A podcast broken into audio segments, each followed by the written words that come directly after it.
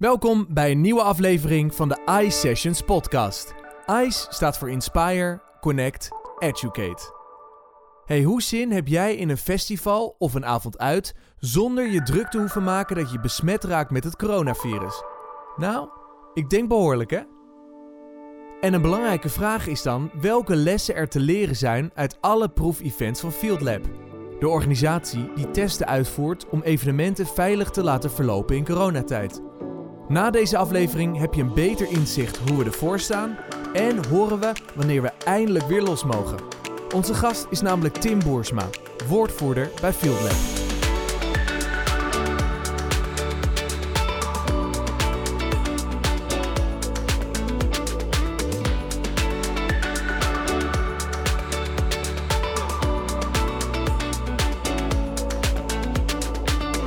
Laten we starten met de belangrijkste vraag. En ik weet zeker dat uh, de kijker ook deze vraag heeft. Verplaats je even in de stoel van minister De Jonge. En vertel ons, wanneer kunnen we weer veilig, al schreeuwend, dansend, misschien in sommige gevallen tongend, weer veilig naar festival? uh, die vraag hebben we heel veel gekregen. Niet om in de stoel te gaan zitten van minister De Jonge. Um, maar ik denk dat er deze zomer wel weer een en ander mogelijk is. Nou, we gaan uh, tijdens het interview erachter komen hoe we dat op een veilige manier uh, kunnen doen. Het kabinet die geeft aan 1 juli. Mocht het evenement dan niet doorgaan, dan krijgen de organisaties 80% mm. van de gemaakte kosten terug als gift. Ja, en het, het rest van het bedrag wordt dan weer teruggekeerd als, als, als, als lening. Hoe belangrijk is het perspectief voor organisaties dat dit nu gesteld is door het kabinet? Ja, ik denk niet alleen voor, uh, voor organisaties, maar ook gewoon voor überhaupt de maatschappij uh, dat er weer een perspectief is. En dat zie je ook wel gewoon dat het wordt geschapen op dit moment mede door uh, vaccinatiegraad die snel toeneemt. Mm -hmm. en dat mensen gewoon weer überhaupt kunnen gaan organiseren en iets gaan aankondigen. Mensen weer kaarten kunnen kopen. Je ziet gewoon dat dat zelfs al vreugde brengt bij sommige ja. mensen. Van ik heb kaarten voor dat en dat. Ja. Uh, of bijvoorbeeld een verplaatsing van uh, Awakenings van juni naar september. Dat mensen zoiets hebben, gelukkig dit jaar toch gewoon wel Awakenings. Ja. En als jij uh, vanuit het perspectief van Field Lab kijkt, kan het ook eerder? Dat het misschien al in eind mei bijvoorbeeld kan? nou ja, we hebben de eerste onderzoeksresultaten zijn we op dit moment nog aan het analyseren. En die liggen uh, bij uh, de, de, regering op dit moment om dat verder uit te werken. En uh, het OMT gaat daar een advies over uit, uitbrengen. Maar wij denken wel dat er eerder mogelijkheden zijn. Ja. Ander nieuws. Vandaag is bekend geworden dat er ook publiek aanwezig mag zijn tijdens ja. het Eurovisie Songfestival. Per show mogen 3500 toeschouwers aanwezig zijn. In totaal gaat het om negen shows. Hoe is deze samenwerking ontstaan? Kan je daar iets over vertellen? En waarom nu opeens wel. En in eerste instantie werd er gezegd, nou ja, het publiek is nog niet helemaal duidelijk of dat erbij zou kunnen zijn. Ja, nou, wij zijn natuurlijk als Field Lab evenementen uh, begonnen vorig jaar maart al met uh, de Alliantie van Evenementenbouwers. Dat is, uh, zijn alle evenementen op het gebied van sport en entertainment. en het eventplatform. En we werken samen met vier ministeries. En we hebben continu gezegd, wij willen gewoon evenementen organiseren om te kijken hoe kunnen die veilig en verantwoord terugkeren. En wat we nu, we hebben fase 1 eigenlijk gedaan met een achttal evenementen. En daar was uh, afgelopen zaterdag de negende bij met Nederlands elftal. Mm -hmm. um, en nu willen we naar, gaan opschalen, dus opschalingstesten gaan houden... om te kijken van hoe kunnen we die data die we hebben vergaard in de allereerste evenementen... nu straks in de praktijk nog eens een keer testen om te kijken van werkt het ook bij grotere aantallen. Ja. En daar stond natuurlijk op het lijstje al een hele tijd uh, het Eurovisie Songfestival. Ja. En dat is een goede samenwerking met OCMW. Uh, als, uh, en die zitten ook weer bij ons in, in Field Lab evenementen. En met Eurovisie Songfestival en met Ahoy en de gemeente Rotterdam. En wij hebben gelukkig toestemming gekregen om dat nu te gaan doen. Ja, ik denk ook een heel belangrijk event om te laten zien. Jongens, ja. het kan met deze aantallen. Zeker. En dan ben ik wel benieuwd. Kijk, als, als woordvoerder krijg je dan heel veel appjes van buurmannen of van neven die zeggen: Hey Tim, uh, ik zou er wel bij willen zijn, dat uh, event. Uh, kan je Zeker. wat voor me regelen? Zeker. Hoe ga je daarmee om dan? Nou, heel simpel, niet. Nee. en, en vanochtend als eerste kwam er al een vraag: bij wie kan ik goodiebags aanleveren? Oh ja. ja, ja. dat moet gewoon via de organisatie. Want heel veel mensen denken dat wij ook de kaartverkoop doen. Dat is niet het geval. Wij zijn als Field Lab evenementen haken we aan bij een bestaande organisatie. Uh, dus bijvoorbeeld in het geval van het Nederlands elftal was de KNVB verantwoordelijk voor die hele organisatie. Ja. En wij doen ter plekke een onderzoek. Maar wij hebben geen kaarten. Nee. We gaan het hebben over Field Lab natuurlijk. Uh, Field Lab evenement is een, een, initiatief van de gehele sector, van zakelijke tot publieksevenementen. En van cultuur tot uh, sport. Nou, je gaf het net al aan, het Nederlands elftal. Ik ben wel even benieuwd. Hè. Neem ons eens mee in bijvoorbeeld het, de organisatie van het mini-festival... wat plaats heeft gevonden in Landgraaf. Kan jij eens zeggen uh, welke stappen jullie moeten ondernemen om zo'n event veilig te laten verlopen? Wat is bijvoorbeeld de allereerste stap? Ik denk uh, dat je Biddinghuizen bedoelt. Wat zei ik dan? Landgraaf? Landgraaf, ja. Uh, dan bedoel ik Biddinghuizen. Uh, ja, Pinkpop, ik ben Pinkpop-fan, dus vandaar ja, dat ik Biddinghuizen... voor jou afgezet. Biddinghuizen, je hebt gelijk, ja. Nou, wat we dan gaan doen is in principe aanhaken bij Mojo en IDT... en hen vragen van, willen jullie daar een, een goed festival neerzetten voor 1500 mensen. Ja. Nou, dan heb je eigenlijk uh, partijen die dat als geen ander kunnen. Um, en vervolgens gaan wij daar uh, onderzoek doen door middel van bijvoorbeeld, uh, dat begint eigenlijk 48 uur van tevoren. Iedereen moet dan een PCR-test ondergaan. Ja. En aan de hand van die PCR-test, positief of negatief, positief vragen we je thuis te blijven, kom je ook niet binnen überhaupt. Ja. En negatief mag je het terrein binnen. Dan hebben we bij uh, Biddinghuis hebben we dat verdeeld in drie groepen van 500. En dat was met name bij de ingang. Omdat uh, we daar dat wilden reguleren. Omdat mensen bij de ingang krijgen ze een tag, een uh, bewegingssensor. Mm -hmm. Waarmee wij hun kunnen volgen tot op 10 centimeter nauwkeurig. En dat hebben we in drie shifts van een half uur ongeveer gedaan. En vervolgens op het terrein mochten ze allemaal gewoon vrij. En hebben we gevraagd, wil je een mondkapje dragen? Nou, dat was ongeveer binnen twee minuten af. Oh ja. Uh, ja. Maar dat geeft niks, want het is gedragsonderzoek. En we kijken ook, dat is een van de vragen, een van de maatregelen die we opleggen. Of opleggen, vragen of mensen daar rekening mee willen houden. En um, ja, dat werkt dus niet. Dat is wel een conclusie die je redelijk met het oog al kunt zien. Uh, maar we hebben ook videoanalyse, dus we kunnen ook zien van houden mensen zich daar daadwerkelijk aan. Mm -hmm. Nou, um, dat was dus niet het geval. En daarnaast, wat ik zei, van die 10 centimeter nauwkeurig mensen kunnen volgen. Uh, daarmee meten we ook contactmomenten en contactduur. En dat houdt dus in van, want nu heb je generieke maatregelen. Je hebt nu op dit moment, als er een festival van 1500 is en er zou één iemand besmet zijn, dan gaat men ervan uit dat hij iedereen besmet. Ja. Wat wij willen aantonen is van nou, sowieso dat het aantal contactmomenten gewoon gemiddeld veel lager is dan 1 met 1500. Nou, dat blijkt ook wel ongeveer uh, wat we tot nu toe hebben gezien. Mm -hmm. uh, en wij willen eigenlijk er naartoe dat je meer uh, geen, of die generieke maatregelen vervangt door specifieke maatregelen. rekening houdend met bijvoorbeeld de capaciteit van een gebouw. Ja. Als je op dit moment zegt van als we in het stadion waakzaam zitten, dan mogen er 100 mensen binnen. Uh, wat wij willen aantonen is van als ze bijvoorbeeld in het stadion waakzaam zitten, dan kun je terug naar bij wijze van 50%, dat is een voorbeeld. Maar dat zou voor uh, de Ziggo Dome inhouden dat je 8.500 mensen binnenkrijgt. En uh, voor hier voor patronaat, ik weet niet precies hoeveel bezetting daar kan, maar stel 2000, zouden zij naar, twee, of naar 1000 terug kunnen. Ja.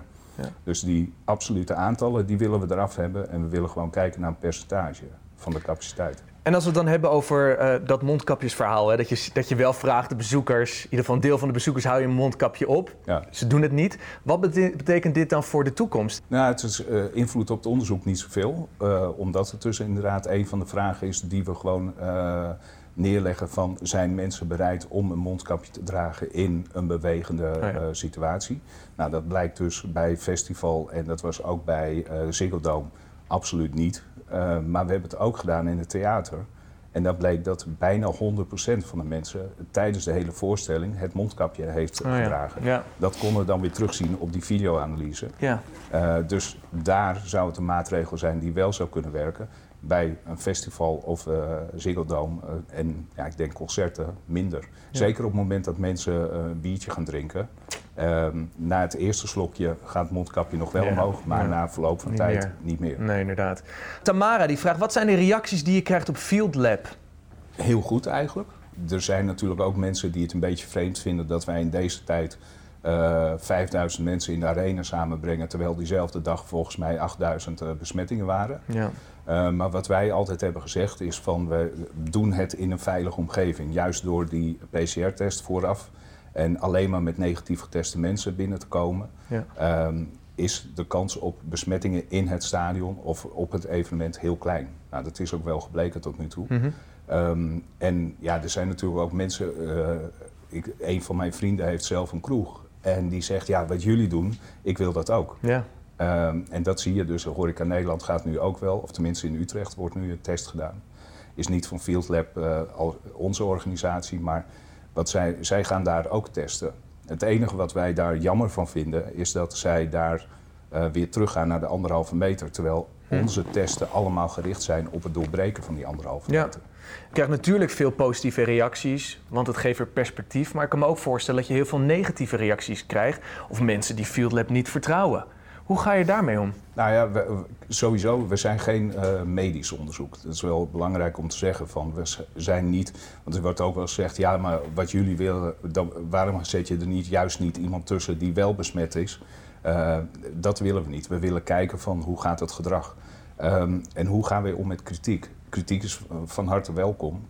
Uh, en we kunnen heel veel gewoon pareren door te mhm. zeggen: jongens, we doen het veilig. Ja. En uh, nou, dat is tot op heden ook wel gebleken. Ja. Kun je een voorbeeld geven van een kritiekpunt die, die je hebt gekregen? Nou ja, uh, ik heb zelf naar mijn hoofd geslingerd gekregen dat ik een landverrader was. omdat ik, de, wij zouden de hele testmaatschappij inrichten op dit moment. maar wat heel erg duidelijk, wat ook vanuit VWS bijvoorbeeld, die hebben nu de Corona-check-app. Die zeggen ook dat is een tijdelijke maatregel. Op het moment dat uh, corona de wereld uit is en genoeg uh, bezetting of uh, capaciteit is op de vaccinaties en dergelijke. En de, um, hoe heet het, de, de, druk op de ziekenhuizen is afgenomen, dan kunnen we weer terug naar normaal. Ja. Wat doet dat met jou als persoon? Nou, Want het is, niet, het is niet één iemand die het roept, het is wel een groep die dat. Uh, nee, het ging in een uh, hele Telegram uh, ja. groep ging het rond. Laat ze bellen, we moeten bellen met Field Lab. Nou ja, het zei zo. Ja, oké. Na afloop van een evenement moet je een PCR-test doen. En niet iedere bezoeker doet dit, hè? Klopt. hoe belangrijk is dit dat het uiteindelijk wel wordt gedaan? En waarom kan je dat niet verplichten? Omdat we geen medisch onderzoek zijn. Stel dat je eh, medicijnenonderzoek bijvoorbeeld doet, dan zeg je van oké, vooraf, achteraf. En mensen worden dan ook betaald. Uh, bij ons is het met name ingedaan, omdat we samenwerken met VWS ook.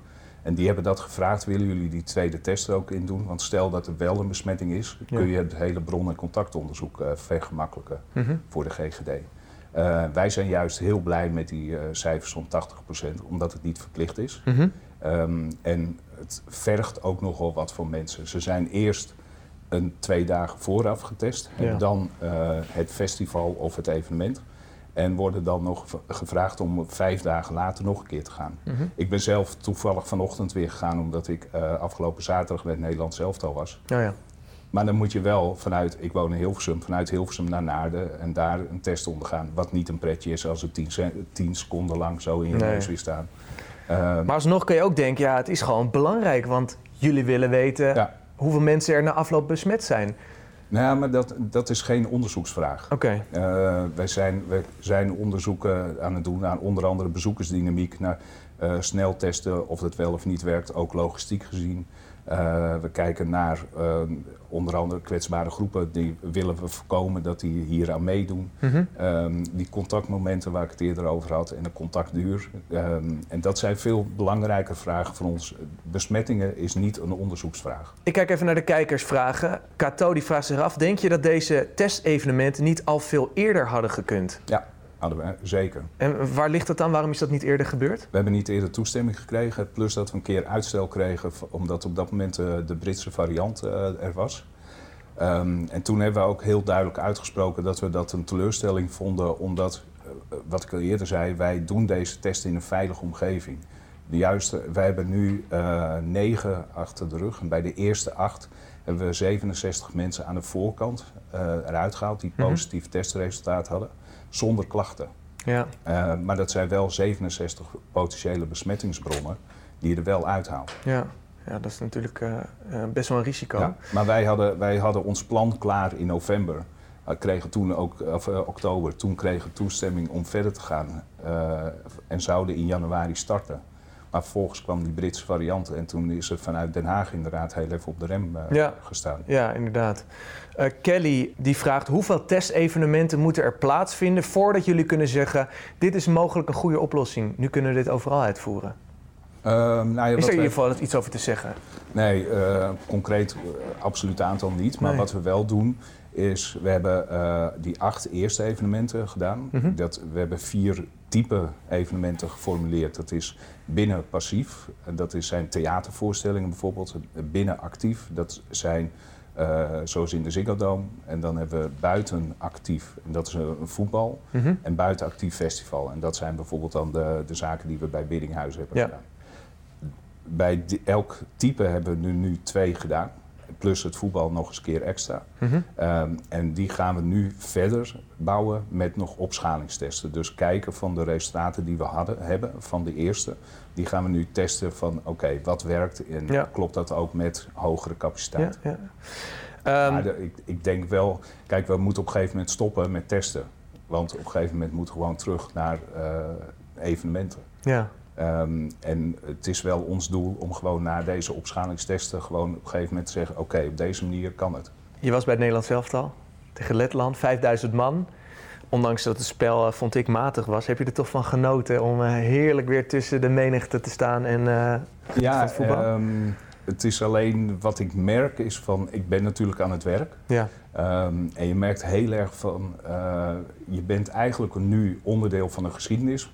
Maar juist omdat ik aan het werk ben, eh, heb je dat niet zo goed door. Dat Hm. zie je pas later. Maar we hebben bij Biddinghuizen kwamen mensen binnen. En het was gewoon echt kippenvel. Ja. Want die gingen elkaar echt in de armen vliegen en huilend, letterlijk huilend, we zijn binnen. Eh, en dat is wel iets van, dan zie je dus, ehm, wat ik geloof het laatste festival is anderhalf jaar geleden Tja. met uh, Mistuland in eh, augustus 2019. Tja. Eh, en dat missen mensen eh, gewoon enorm. Lijkt me ook eh, tof om dat te zien, hè? dat je Ja, ja. bijdraagt aan hopelijk weer Ja. veilige festivals. Ja. Op heel veel nieuwsites stond mogelijk vier besmettingen tijdens concert André Hazes. Nou, vier besmettingen op een groep van 1300 mensen. Hoe erg is dat? Zo. Nee. waarom niet? Nou ja, weet je, ehm, sowieso begint al met het woord mogelijk. Ehm, en daarnaast is het zo van, wat ik al zei, we zijn geen medisch onderzoek. Maar het is ook ehm, eigenlijk wel gewoon een normaal beeld. Ehm, zeker als je op dit moment kijkt naar het aantal besmettingen dat er is. Ehm, en er zijn nog mogelijkheden voor mensen om bijvoorbeeld die test te doen die zij eh, hebben gedaan op de. Even kijken, Hazes was op zondag, dus dan hebben ze op vrijdag getest. Dan zijn ze tussen de vrijdag en de zondag mogelijk besmet. Hm. Of daarvoor of daarna ook nog kan het in een privéomgeving. Ja. Ehm, dus dat is, ja, is een lastige om gewoon te zeggen van nou ja, tuurlijk elke besmetting is er één te veel. Alleen ja, dat is op dit moment niet aan de orde. Nee. Volgens mij zeg ik net ook bijna vandaag weer 8000 besmettingen. Eh, dus, en het zijn geen mensen die onder een steen leven. Nee. Hoe groot is eigenlijk de kans dat ik besmet raak tijdens zo'n event? Kan je dat zeggen? Nou, ehm, wat we, onze hoofdonderzoeker Andreas Vos zegt, is van op het moment dat mensen 48 uur van tevoren een PCR-test doen, negatief zijn en iedereen heeft dus inderdaad een negatieve testuitslag, is de kans dat iemand besmettelijk is, want er zit nog weer een verschil tussen besmet zijn en besmettelijk, Mhm. ehm, is 0,14 procent volgens Oh ja. mij. Nou, dat is best geruststellend, toch? Ja, toch? En, en, en als er dan wel besmettingen uitkomen, eh, welke learnings kunnen jullie hier dan uithalen? Nou, d- dat is wat ik al zei, we zijn geen medisch onderzoek. Ehm, dus eigenlijk... Nee, het is niet, we zijn Nee. niet gericht daarop. Nee. Ehm, en heel eerlijk, wij zouden eigenlijk niet eens eh, dat cijfer gaan melden. Hm. Maar eh, waar zij in de quiz net ook aan refereerden, die ene medewerker bij het eh, congres was dat in Beatrix Theater. Ja. Die was in de buurt geweest van een aantal mensen. Die hebben daar een coronamelding gekregen. En er waren zeven in totaal, waarvan vier journalisten. Hm. Dus toen lag het op straat. En kijk, eh, omdat het geen onderzoeksdoel voor ons is, hadden wij in principe het niet hoeven melden of Ja. willen melden. Maar dat hebben we wel gewoon gedaan. En dat doen we nu elke keer na elk eh, evenement. Kan zo'n event ook falikant mislukken? Ja, Ja? denk het wel. Wanneer, wat moet er dan gebeuren? Ja, op het moment dat je bijvoorbeeld geen data haalt uit eh, als alle techs of zo het niet doen. Ah ja. Maar Ja. als je doelt op een superspreader of zo, nee, dan denk ik niet. Want ik denk dat wij aan de voorkant het gewoon zodanig hebben eh, ingericht dat mensen, en dat hebben we nu zelf met bijvoorbeeld ook met die sneltesten die we nu doen. Mhm. eh, bij het Nederlands elftal zijn 5000 mensen op de dag van de wedstrijd eh, getest op locatie. Ja. Als we toch nog even een blik werpen op de toekomst. Hè. Op dit moment zijn het dus nog test-events. Wat moet er volgens jou nu gebeuren om weer een evenement realistisch en werkbaar te maken? Want ja, weet je, nu wordt alles uh, getagd, zoals je net al zei. Mensen worden in de gaten gehouden, mondkapje op. Maar ja, sommigen doen het dan weer niet. Wat moet er gebeuren? Ja, ik denk dat het voornaamste, zeker voor de regering, is uh, dat die, uh, die, ja, de, de, zorg wordt ontlast. Ja. Dat het aantal besmettingen afneemt. ik denk dat je op dit moment met 8000 mensen per dag besmet, dat je niet zo snel gaat zeggen vanuit Den Haag, jongens, ga je gang maar. Hm. Ehm, maar ik ben wel heel blij voor uh, de evenementenindustrie dat dat garantiefondsen ligt.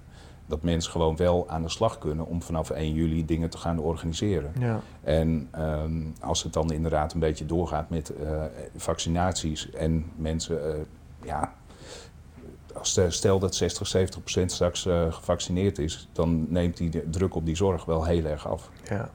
Als we eens kijken naar uh, de verschillende evenementen. Nou, we hebben het gehad over de voetbalwedstrijd, -hmm. Nederland-Letland. We hebben het gehad over het event waar, waar ik zei Landgraaf, maar het was in Biddinghuizen. Wat zijn de verschillen daar tussen? En waar moet je bijvoorbeeld rekening mee houden als je een voetbalwedstrijd gaat bezoeken of weet je, vanuit jullie uh, mm -hmm. oogpunt gaat organiseren en festivals? Nou, wat we, um, er sowieso zit er al een heel groot verschil in de dynamiek van de bezoeker zelf. Mm -hmm. Omdat je bij voetbalwedstrijden zit je op één plek in principe in het stadion. En bij een festival uh, loop je rond, ga je zo nu en dan naar de bar. Uh, ga je bij, soms bij Stage One en de andere keer Stage 2 kijken. Mm -hmm. um, daar zit al een stukje dus dynamiek. Er zit dus ook dat je veel meer mensen onderling gaat zien. Um, bij bijvoorbeeld NEC hadden we volgens mij zes bubbels, waarbij we mensen 250, uh, eh, gewoon 250 mensen in één vak en die lieten we zitten tijdens de hele wedstrijd met mondkapje. Mm -hmm. Zag je ook dat heel veel mensen zich daaraan hielden. Um, en we hadden daar ook een vak waar iedereen vrij mocht zijn en ook gewoon uh, bijvoorbeeld bier kon halen tijdens de wedstrijd. Um, en daar zie je dan wel weer dat er veel meer ook onderlinge contacten zijn. Ja. Um, en bij het festival hebben we een groep van 1500 in totaal dus gehad. Zonder enige restrictie. Uh, die hadden niet van dat ze uh, anderhalve meter moesten aanhouden. Of um, dat ze niet mochten uh, mengen met elkaar. dus dat onderzoek zag er heel anders uit. Ja. Um, en bij, bij het voetballen is ook van belang van ja, hoe, hoe gaan mensen met elkaar om? Gaan ze ook bijvoorbeeld elkaar corrigeren? Of, eh, want we hadden ook een dambordpatroon. Ik zie een dambord of een schaakbord liggen. Maar dat over hoe je mensen neerzet in een stadion. Dus dat je twee om twee, ja. daarachter weer ook twee om twee. En dat, uh, dat is ook iets wat je kunt testen. En dan ook wat voor invloed heeft dat op uh, je onderlinge contacten. Ja. Wat we in het theater bijvoorbeeld ook hebben gedaan, is een hele grote groep. Die hebben tijdens de pauze laten zitten en die hebben een borrelbox uitgereikt gekregen aan het begin van de voorstelling. En dan zie je dus ook weer dat dat ook weer invloed heeft op de dynamiek en op de onderlinge contacten. Ja. Andrea die vraagt, denk je dat een coronapaspoort gebruikt zal worden? Volgens mij wil de politiek dat wel, maar hoe zie jij dat? Ja, dat is ook echt een politieke vraag. Hm. Um, wat ik wel vanochtend, eh, toevallig was er weer nieuws over dat... Um, want we hebben het steeds gehad over uh, die vaccinaties. Mm -hmm. uh, en er werd tot vandaag ongeveer gezegd van dat ja, als je gevaccineerd bent kun je nog wel mensen steeds besmetten. Dus je kunt wel drager zijn en anderen besmetten. Uh, en het blijkt nu uit de studie dat het lijkt dat mensen met vaccinatie ja. inderdaad niet meer besmettelijk zijn. Ja. En dat zou wel een hele goede zijn. Absoluut. Alleen uh, je kunt en mag nooit een vaccinatie bijvoorbeeld gaan verplichten. Um, en uh, maar ik denk wel, en dat is dan, of dat nou een coronapaspoort is of hoe je het maar wilt noemen, maar ik kan me wel voorstellen dat uh, evenementenorganisatoren bij hun algemene voorwaarden straks gaan zeggen: wij willen dat je negatief getest bent. Ja. Dus dat je een negatief testbewijs kunt laten zien. Uh, maar dat is ook wel een beetje een politieke vraag. Oké. Okay. Naast woordvoerder van Field Lab heb je ook een eigen bedrijf, Build for Comfort Communications. Als ik het Klinkt goed mooi, zeg. hè? Uh, verzorg, en daarbij verzorgen jullie je publiciteitscampagnes en treden daarbij als zowel adviserend als uitvoerend op. Hoe werkt het nu eigenlijk in coronatijd? Hoe gaat het? Krijg je, krijg je dagelijks belletjes van uh, Tim, je moet ons echt uit de brand helpen, want uh, we weten het allemaal niet meer? Of is het juist wat rustiger omdat er zo weinig events zijn bijvoorbeeld? Ik heb een aantal vaste opdrachtgevers, uh, onder andere Amsterdam Dance Event en Buma Cultuur. En um, daar, daar gaat het ook wel gewoon door. Omdat we hebben Amsterdam Dance Event vorig jaar volledig digitale editie Ja. gedaan. En we hebben vorige week toevallig aangekondigd dat we eh, de komende editie wel weer meer fysieke evenementen gaan organiseren. Dat we ook overtuiging hebben dat het gewoon eh, in oktober wel kan. Mhm. Ehm, daarnaast heb ik ehm, zeker, ik bedoel, eh, er zijn heel veel vakgenoten die het op dit moment verdomd lastig hebben, Ja. omdat er gewoon geen werk is. Ehm, en ik eh, mag mijn handen dichtknijpen dat Field Lab bij mij is gekomen eh, om daar woordvoering voor te gaan doen. Ja. Ehm, het is een, een hele grote klus. En Utrecht is niet helemaal eh juffen. maar ehm, nee, het is gewoon echt een hele grote klus. En een leuke klus ook. Geeft ook energie, omdat Ja. je bezig bent met de toekomst. En dat je bezig bent met inderdaad weer eh, het heropenen van de branche waar je zelf heel veel in werkt. ja, en dat Maar geeft ook ben- voldoening. Ja, maar ik ben absoluut... eh, heel veel opdrachten vorig jaar zijn niet doorgegaan. Ja. Ehm, we hebben wel Mistulent nog gedaan, ook digitale editie. Ehm, maar we hadden vorig jaar, ik deed bijvoorbeeld de, de WK BMX op Papendal. Ja, die is verschoven een jaar. Hm. En zo zijn er wel meer evenementen die gewoon een jaar zijn verschoven. Ja, en, en waar ik dan naar benieuwd naar ben, als we het bijvoorbeeld over het Amsterdam Dance Event hebben. Het is sowieso een branche die op dit moment onder druk staat, zonder Mhm. evenementen. Hoe zorg je ervoor als woordvoerder dat je duidelijk bent, maar ook realistisch? En je wil ook weer niet te pessimistisch worden. Hoe doe je dat? Ehm, nou, ik heb ooit eens een keer een lezing bijgewoond en er zei iemand van... eh, je mag nooit liegen, maar je mag wel waarheden weglaten. En die vond ik wel heel erg goed. Ehm, maar wij zijn bijvoorbeeld bij eh Field Lab zijn we echt heel open. We, zoveel, transparant mogelijk leggen we Mhm. zoveel mogelijk laten we zien. Ehm, en vrijwel alle vragen eh, die we kunnen beantwoorden, beantwoorden we ook. Mhm. Eh, en we hebben eh, sowieso vind ik dat je gewoon eerlijk moet zijn. En dat eh, denk ik dat we dat wel doen. Oké. En waarom hechten jullie daar zoveel waarde aan? Nou, omdat ik denk van eh, sowieso zijn we natuurlijk een onderzoek. We zijn, niet, eh, we zijn geen commerciële organisatie of zo. Ehm, eh, en ik vind ook van op het moment dat een journalist een kritische vraag stelt, dat je die ook gewoon moet beantwoorden. Ja.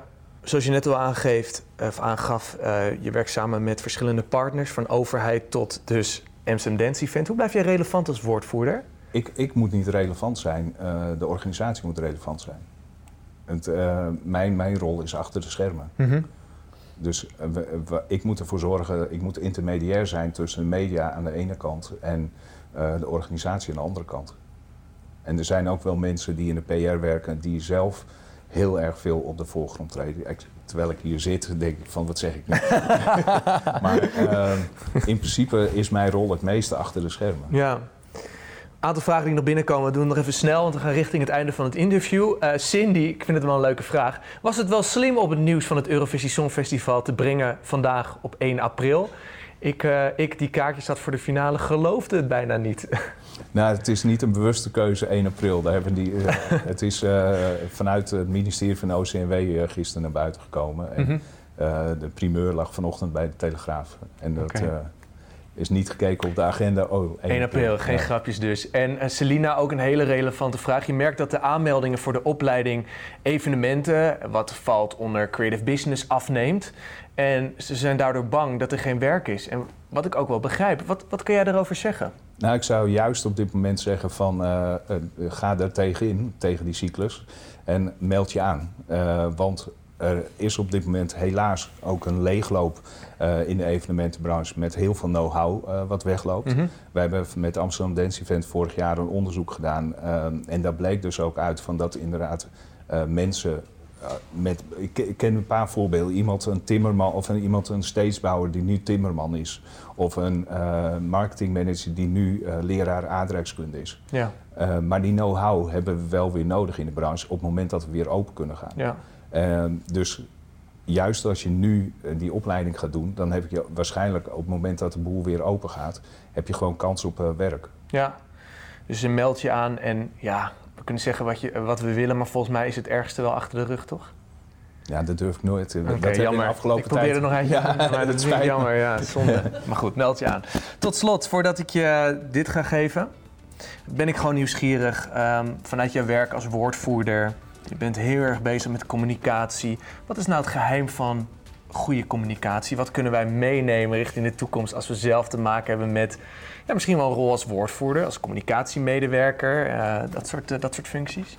Ja, wat ik net al zei, ehm, transparantie. Mm en ik, ik noem mijn werk ook heel vaak slap ouwe hoeren en klaverjassen. heel goed relatienetwerk. Um, heel snel kunnen schakelen. En ik heb mijzelf aangeleerd om uh, direct alles af te handelen wat in mijn mailbox zit of in mijn app. Uh, mm -hmm. Met als gevolg dat ik een, een hele korte to-do-list heb. Um, en dat, dat werkt voor mij prima. Ja. Slap ouwe hoeren, daar ga ik nog wel even verdromen vannacht, denk ik. En klaverjassen, inderdaad. Tim, ik wil je onwijs bedanken voor, um, voor je komst naar de ICE Sessions. Heel graag gedaan. Uh, mooi om een inzicht te krijgen hoe jullie werken met Field Lab. En elke spreker tijdens de ICE Sessions die krijgt een oorkonde. Dus uh, hierbij. Uh, ik ben benieuwd waar die terecht gaat komen. In mijn kantoor. In je kantoor. Nou, ik, ik ben ook nieuwsgierig naar de foto's. Het is wel jammer dat dit wel 1 april is. Ja, dat, dat mensen, gaan mensen niet geloven. Nee, nee inderdaad. Nou ja, dan is het leuk. zo. Dankjewel. Bedankt voor het luisteren naar deze aflevering van de ICE Sessions. Volg Startup Campus Haarlem op YouTube en op Instagram om op de hoogte te blijven van nieuwe afleveringen. Tot de volgende.